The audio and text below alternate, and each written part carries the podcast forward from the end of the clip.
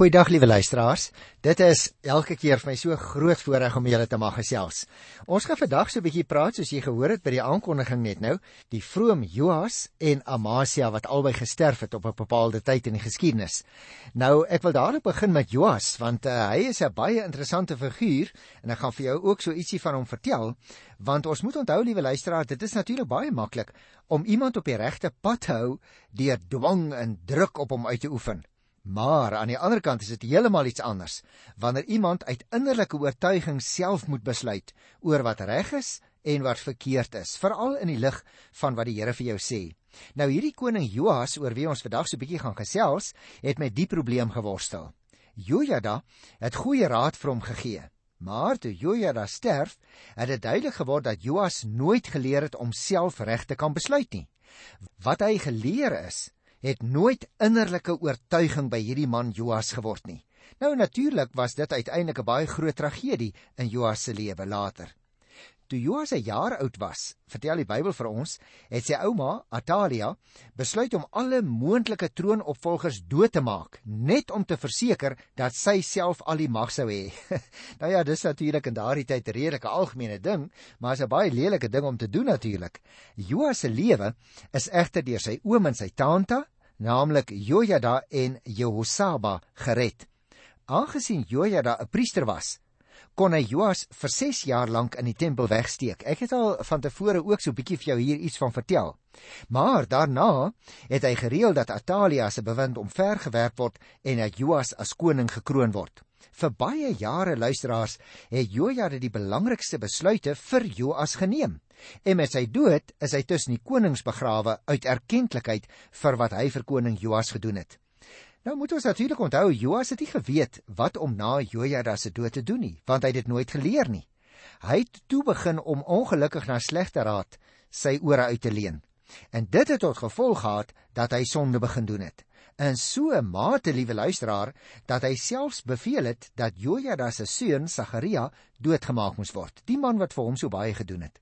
En binne enkele maande is Joas se leer verpletter en deur die Arameërs verslaan. Jerusalem is binnegeval en die Arameërs het baie buit gemaak wat hulle alles na Damaskus toe weggevoer het. Die koning is natuurlik deur sy eie amptenare vermoor en is nie eens soos die priester Jojada tussen die konings begrawe nie. daarmee het die mense natuurlik hulle misnoë met hom te kenne gegee. As ek sou moes saamvat dan sou ek sê Joas se lewe beeld eintlik 'n probleem uit wat baie dikwels deur ons ook ervaar word. Na soveel jare van gehoorsaamheid en getroue meelewing aan die diens van die Here, breek iemand soms net eenvoudig weg en dan slaan hy presies die teenoorgestelde koers in vir die res van sy lewe. Dit lyk of al die jare se sorg en onderrig met so 'n persoon met een vee van die hand uit daardie mens se lewe begin verdwyn. Dit is vir ons ook 'n waarskuwing hoor dat ons nie moet dink dat geloof net uit moeds en moenies en vroom gedragspatrone bestaan nie. Dit gaan oneindig veel dieper as dit hoor. Dit gaan om die oortuigings wat in die diepste binnekant van 'n mens se hart en lewe leef. Daaraan moet ons dus plant en nat maak om op daardie akker die geloof in God te laat groei. Met ander woorde, ons moet die geloof in die Here ontwikkel. Dit is nooit iets wat maar net ingelees en 1 2 3 is dit daar en nou kan jy net maak wat jy wil nie. Jy moet ook jou geloof ontwikkel en uitbou soos wat jy vorder in die lewe. En daarom as ek na hierdie 24ste hoofstuk in 2 Kronieke kyk, dan is daar 'n paar dinge wat my opval. Eerstens sou ek vir jou wou sê ter inleiding, Joas se regering dink ek is soos die van 'n gesplete persoonlikheid as ek dit nou op 'n bepaalde manier moet probeer tipeer. Hy het presies teenoorgestel geëindig van waar hy begin het as 'n jong mens. Aan die begin laat hy herstelwerk aan die tempel doen. Terwyl Atalia nog regeer het, is die tempel nie in stand gehou nie en het daar agteruitgang gekom. Nou moes Joas hierdie laksheid van die volk om tot die instandhouding van die tempel by te dra, hy moes dit probeer oorkom en hulle opnuut weer van die begin af begin aanvuur om getrou te wees aan die Here en aan hulle daaglikse take wat aan hulle toevertrou word. Aan die einde van sy regeertyd is hy ongelukkig self die oorsaak daarvan dat die volk die huis van die Here verlaat en dat hulle tot allerlei afgodspraktyke hulle self begin wend. Deur sy toedoen word Juda dan ook geplunder en die tempel van sy gewyde gawes beroof. Die instandhouding ding van die tempel en die voortsetting van die diens by die tempel staan hier in direkte verband met die getrouheid van die koning aan die Here. Wanneer die koning getrou is, word die tempel in stand gehou en natuurlik ook andersom. Verder is die voorspoed van Juda en Jerusalem in ooreenstemming met die bedrywighede by die tempel. Word die tempeldiens afgeskeep en heiligdomme vir die afgode opgerig, dan raak die volk nie net afvallig van God nie, maar die Here laat hulle dan ook aan vreemde volke uh, onderdanig raak. Daardie mense trek teen hulle op, kom beroof hulle, maak hulle selfs dood, so lees 'n mens hier in 2 Kronieke 24 van die 23ste vers af. En dit, liewe luisteraar, is natuurlik tipies van wat ook later met die ballingskap sou gebeur. Want jy sien die volk is in ballingskap weggevoer juis omdat hulle aan die Here ongehoorsaam was en nie gedoen het wat die Here van hulle verwag het nie. Nou begin die verhaal in die 24ste hoofstuk van 2 Kronieke met die opskrif Joas laat die tempel herstel. Daaroor wil ek miskien ook 'n paar opmerkings maak voordat ek na sekere gedeeltes uit die uh, teks kyk. Joas se regering moet ons onthou liewe luisteraar, kan eintlik uh, in hierdie hoofstuk in twee duidelik onderskeidbare periodes ingedeel word. Terwyl die priester Jojada nog geleef het, het hy gedoen wat reg was in die oë van die Here. Mens sien dit in die eerste 16de verse. Maar dan van vers 17 tot 27, as jy dit mooi lees, dan sal jy agterkom, die laaste deel van sy lewe, na die dood van die priester Jojada, was 'n lewe van afgoderry en ongehoorsaamheid aan die Here. Die kroniekskrywer toon dus vir ons hier 'n baie interessante ding, naamlik hoe selfs 'n goeie koning wat die Here aanvanklik dien, afvallig kan raak. Aan die begin is daar die herstel van die tempel en die erediens. Aan die einde van sy lewe verval hy as dit ware saam met sy volk in afgodery, profete moord, militêre rampe en uiteindelik sy eie gewelddadige dood. Nou wil ek 'n baie interessante aspek vir jou uitwys, liewe luisteraar.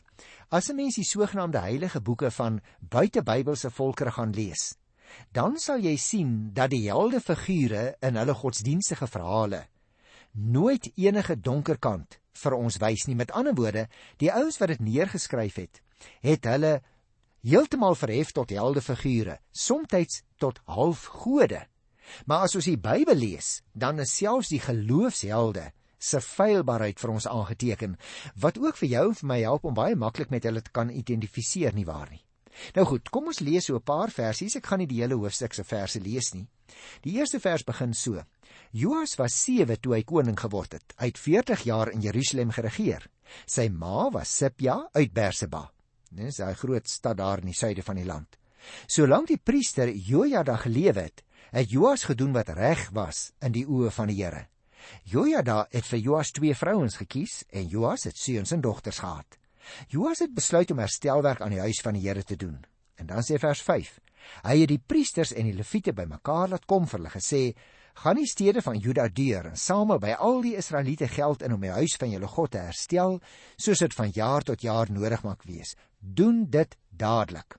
Die leviete het die opdragte nie dadelik uitgevoer nie. En die koning het die hoë priester Jojada laat roep vir hom gevra: "Waarom het jy nie toegesien dat die leviete die bydraes uit Juda en Jerusalem inbring nie?" Dit is tog die bydraes wat Moses, die dienaar van die Here, van die gemeente van Israel gevra het en vir die tent met die getuienis. Jy sien dus, liewe luisteraar, die Bybel vertel vir ons baie duidelik terwyl die boek Konings die priesters vir die versuim om die herstelwerk aan die tempel te doen verantwoordelik hou, word die leviete deur die kroniekskrywer uitgesonder as diegene wat vir die vertraging van die uitvoering van die werk verantwoordelik was. Nou het die 6ste vers wat ek gelees het vir ons gesê op inisiatief van die koning dan word 'n jaarlikse heffing ingestel in die land.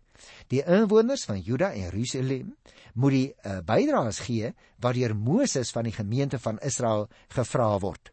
En dan sê die 7de vers vir ons en dit is interessant dat dit daar staan dit was die goddelose Atalia en haar volgelinge wat die tempel in verval laat raak het. Hulle het selfs die wydingsgeskenke van die huis van die Here vir die Baals gebruik. Is dit nie skrikwekkend nie? Met ander woorde, die verval van die tempel word deur Atalia en haar volgelinge toegeskryf. Daar staan: selfs die wydingsgeskenke van die huis van die Here is vir die Baals gebruik. En dan kom ons by vers 8 tot by vers 11. In opdrag van die koning is daar toe 'n kus gemaak en voor die tempelpoort gesit. En in Juda en Jerusalem is aangekondig dat die bydraes wat Moses die dienaar van die Here in die woestyntyd van Israel gevra het, vir die Here gebring moes word. Al die leiers en die hele volk het die geld met blymoedigheid gebring en in die kus gegooi. So het die bydraes ingekom. Telkens wanneer die kus na die leviete toe gebring is vir kontrole namens die koning en hulle vasgestel het dat daar baie geld in is, het die sekretaris van die koning en 'n beampte van die hoë priester gekom en die kus leeggemaak. Dit is dan weer op sy plek teruggesit. So het hulle elke keer gedoen en daar is baie geld ingesamel.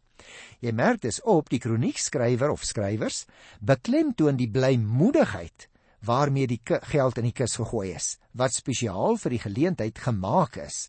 Met ander woorde, daar was op die vroeë stadium van koning Joas se regering ook by sy mense en nie net by hom nie, 'n blymoedigheid om die Here te dien. En dan hier in vers 12 tot by vers 13 as jy dit sou lees, dan jy sien dit handel daar oor die tempel wat in sy vorige glorie herstel is. Daarom wil ek vers 14 lees. Nadat die herstelwerk afgehandel is, is die geld wat oorgebly het aan die koning en Jojada oorhandig wat daarmee tempelgereedskap laat maak het. Gereedskap vir die tempeldiens en die offers die panne en ook die goue en die silwer gereedskap. Solank Jojada gelewe het is daar voortdurend brandoffers by die tempel gebring. Interessant nê Die boek Konings, as jy dit op hierdie punt sou gaan naslaan, dan sal jy sien daar word beklemtoon dat die insamelings slegs vir die herstel van die tempel was en nie vir die vervaardiging van die tempelgereedskap nie. Kronieke stel dit nou duidelik dat die geld wat oor was eers na die volledige herstel van die tempel aan Jojada oorhandig is om daarmee, so staan dit hier, gereedskap vir die tempeldiens te maak. Die belangstelling van die kronikus vir die regte erediens en die regte tempelgereedskap kom hieruit opnuut vir ons baie duidelik na vore. En dadelik wil ek vir jou sê luisteraar, dit is eintlik hoewel dit nie in sulke moderne taal daar staan nie, is dit presies wat vandag nog gebeur wanneer iets byvoorbeeld ingesamel word sê net maar vir die oprigting van 'n gebou. Dan mag die persone wat daaroor toesig hou die geld nie vir iets anders gebruik word nie want ons praat vandag van trustgeld. So In koning Joas se tyd het dit presies dan ook so gewerk. Luister na vers 15 en 16. Jojada het 'n hoë ouderdom bereik. Hy is dood toe hy 130 jaar was. Hy is nie Dawid stad begrawe by die konings omdat hy goeie werk gedoen het vir Israel, vir God en vir sy tempel. Jy sien daar kom na vore waarna ek net nou verwys het by die inleiding. Omdat hierdie priester Jojada sulke wonderlike werk in diens van die Here gedoen het, het hulle toe hy gesterf het hom in die koningsgrafte se omgewing begrawe as 'n huldeblyk vir wat hierdie man in sy lewenstyd gedoen het vir die Here en vir sy saak. Nou kom ons by Joas se sonde en sy dood. En as jy wil, liewe luisteraar, kan jy die detail daarvan lees hier in 2 Kronieke by die 24ste hoofstuk vers 17 tot by vers 27. Ek gaan dit net baie kortliks vir julle in 'n paar sinnetjies opsom. Want jy sien, die Here het vir Sagaria, die seun van Jojada, gestuur om vir koning Joas te sê dat hy en die hele volk na die Here toe moes terugkeer toe die koning begin afdwaal. Sy verkondiging was baie soos die van Asaria aan Asa wat ons ook in Hosea 15 teëgekom het. As julle by die Here is, sal die Here by julle wees. As julle hom verlaat, sal die Here julle ook verlaat. Maar Joas het Sagaria eerder laat doodmaak in plaas dat hy na sy boodskap geluister het, net soos Asa ook vir Ganani in die tronk laat gooi het. Ons het daardie voorbeeld gehad in Hosea 16 daar van die 7de vers af. En toe het God Joas verlaat soos die priester voor die tyd gesê het. Die Arameërs het sy land aangeval en hy self sterf in 'n komplot wat daarteen hom gesmee is. Joas was met ander woorde nooit werklik in sy hart tot die einde van sy lewe toe toegewy aan die Here nie. En daarom kon hy nooit uit oortuiging vir God besluit nie. En dit bring ons dan by die tweede persoon wat in uh, 2 Kronieke 24 en 25 beskrywe word en ek gaan die verhaal optel by die 25ste hoofstuk. Want jy sien hier gaan dit oor 'n ander interessante man met die naam van Amasia. Nou 'n mens kan ook al die detail behandel, maar ek wil eers vir jou ietsie van hom vertel en dan gaan ek sekere verse uit die hoofstuk behandel. Jy sien hierdie Amasia was die koning van Juda, want ons moet onthou ons het te make met die Suidryk. En Amasia was natuurlik nou die seun van Joas oor wie ons nou net gesels het en daarom behandel ek al twee van hulle hier in dieselfde program. Nou hierdie Amasia het op 25 jarige leeftyd koning geword. Hy het wel gedoen wat reg was in die oë van die Here, soos wat sy pa ook begin het toe hy jonk was. Maar sê hierdie hoofstuk vir ons, die 25ste, dat die offerhoogtes nie afgeskaf is nie. Met ander woorde, Amasia het die hofdienaars wat sy vader vermoor het, omgebring, maar hulle kinders het hy nie doodgemaak nie. En as gevolg van die oorwinning van die Edomite, het koning Amasia oormoedig geword en daarom het hy sommer ook gaan oorlog verklaar teen Joas van Israel. Terselfdertyd het Joas deur middel van 'n beledigende fabel wat aan hom oorgedra is, hom van die stryd probeer weerhou. Amasia het nie geluister nie en hy is vernietigend deur Joas verslaan. Dit was natuurlik ook 'n straf omdat Amasia nadat hy die Edomite verslaan het, hulle gode begin dien het. Joas is dus uiteindelik gevange geneem, 'n bres is in die muur van Jerusalem geslaan, die tempel en die paleis is beroof en met 'n ryk buit en baie gijslaers is die mense na Samaria toe terug. Wel deel die skrif vir ons mee dat hierdie man Amasia nog 15 jaar na die dood van sy pa Joas geleef het, maar As gevolg van 'n sameswering wat in Jerusalem teen hom gesmee is, moes hy ook maar uiteindelik na Lages toe vlug. Dit het hom egter niks gebaat nie. Manne wat deur die samesweerders agter hom aangestuur is, het hom in Lages gaan doodmaak. Sy lijk is uiteindelik op 'n perewaan na Jerusalem teruggebring en in die stad van Dawid begrawe. So hy het ook uiteindelik maar op 'n vreemde manier gesterwe. Maar kom ons lees nou uit die Bybel self net so 'n klein stukkie van hom. Uh hierso by 2 Kronieke die 25ste hoofstuk lees ek die eerste 4 verse. Amasia het koning geword toe hy 25 was. Hy het 29 jaar in Jerusalem geregeer. Sy ma was Jehoadan uit Jerusalem. Hy het reg gedoen wat reg was in die oë van die Here, maar nie met sy hele hart nie. Nadat hy goed gevestig was in sy koningskap, het hy die amptenare deur wie sy pa, die koning vermoor is, laat doodmaak. Hy het nie hulle kinders ook laat doodmaak nie. Onthou ek het dit nou nou vir jou vertel. Want nou lees ek verder uit die Bybel, soos op bevel van die Here geskrywe staan in die wet in die boek van Moses, vaders mag nie oor die optrede van kinders in kinders nie oor die optrede van vaders doodgemaak word nie. Elkeen kan net vir sy eie sonde die doodstraf kry. Met ander woorde, liewe luisteraars, Amasia wreek dus die dood van sy pa. As koning in die familielyn van Dawid, het Joas sy pa jammerlik geval voor hom. Nuwe hoop is op sy seun Amasia gefestig, want hy het by die begin van sy regering gedoen wat reg is in die oë van die Here, hoewel sê die Bybel nie met sy hele hart nie. Waar is dus by sy pa Joas die skerp skeiding kry tussen sy vroeëre en sy latere lewe? is die lewe van Amasia 'n groter vermenging van gehoorsaamheid aan die een kant en terselfdertyd ongehoorsaamheid aan die ander kant. Nou kom ons kyk hier van vers 5 af. Amasia die manskappe van Juda bymekaar laat kom en hulle familie gewys ingedeel onder bevelhebbers oor 1000 en oor 100 die hele Juda en ook Benjamin. Nou kan jy ook gaan lees hoe dat hy hulle bewapen het en dan sê die 10de vers: Amasia het toe die leerafdeling wat uit Efraim by hom aangesluit het ontslaan en huis toe laat gaan. Hulle was bitter kwaad vir Juda en is woedend terug huis toe. Kom ek vertel vir jou die verhaal. Amasia het sy leer met 'n derde uitgebrei deur 'n 1000 man uit Israel as huursoldate in diens te neem. 'n Profeet van God kom dan in daardie verse En dit het ek nou nie gelees nie, ek vertel jou die verhaal. En die profeet wys vir hom daarop dat die Here nie met die mense van die noordelike ryk te doen wil hê nie en hom nie in sy oorlogvoering sal ondersteun as hulle by is nie. Amasia was halfhartig, het die tweede vers alreeds vir ons gesê. Op die profeet se waarskuwing reageer hy dan ook nie heel hartig nie.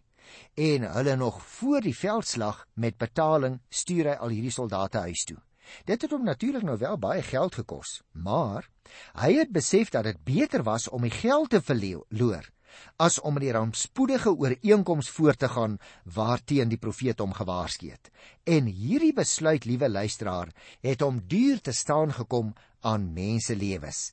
Die Israeliete het ons gelees was woedend oor hierdie vernedering en het later strooptogte op die stede van Juda uitgevoer waarin 3000 mense doodgemaak is. Met ander woorde, ons kry dus hier 'n gedeelte waarin mense uit die Noordryk, met ander woorde Israel, begin strooptogte eh, doen op die Suidryk, Jerusalem, wat die hoofstad is. En dit sou uiteindelik baie sleg gaan. Maar nou draai die verhaal hier van die 17de versie af, want nou kom daar 'n nederlaag teen Israel.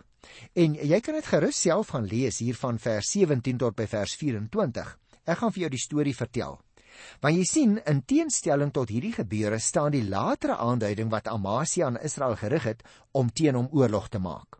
Jy sal nog onthou, ons het gepraat oor koning Rehabiam daar in die 10de hoofstuk en ook Ahasia in die 22ste hoofstuk tot dit behandel het vroeër wat hulle ook van slegte raad laat bedien het. Nou ook hierdie keer laat die Here die verkeerde besluit wat geneem word op 'n katastrofe uitloop waarmee hy die dwaase koning straf. Ironies genoeg luisteraars, antwoord die koning van Israel daar in die noorde, die een wat in onguns by die Here is, Amasia, met 'n wyse antwoord en dan in die vorm van 'n fabel, 'n storie wat vertel word, wys hy vir Amasia daarop dat hy dwaas en oormoedig optree. Nou in die gelykenis wat hy tref, is Juda die doringbos en die leer van Israel in die noorde die seder. Amasia was natuurlik trots op sy oorwinning oor die Edomite. Hy wou Israel ook onderwerp, maar Joas het hom gewaarsku om hulle nie aan te val nie. Amasia se ambisie het egter die oorhand gekry en hy het duur daarvoor betaal met die neerlaag wat hy daarna moes ly.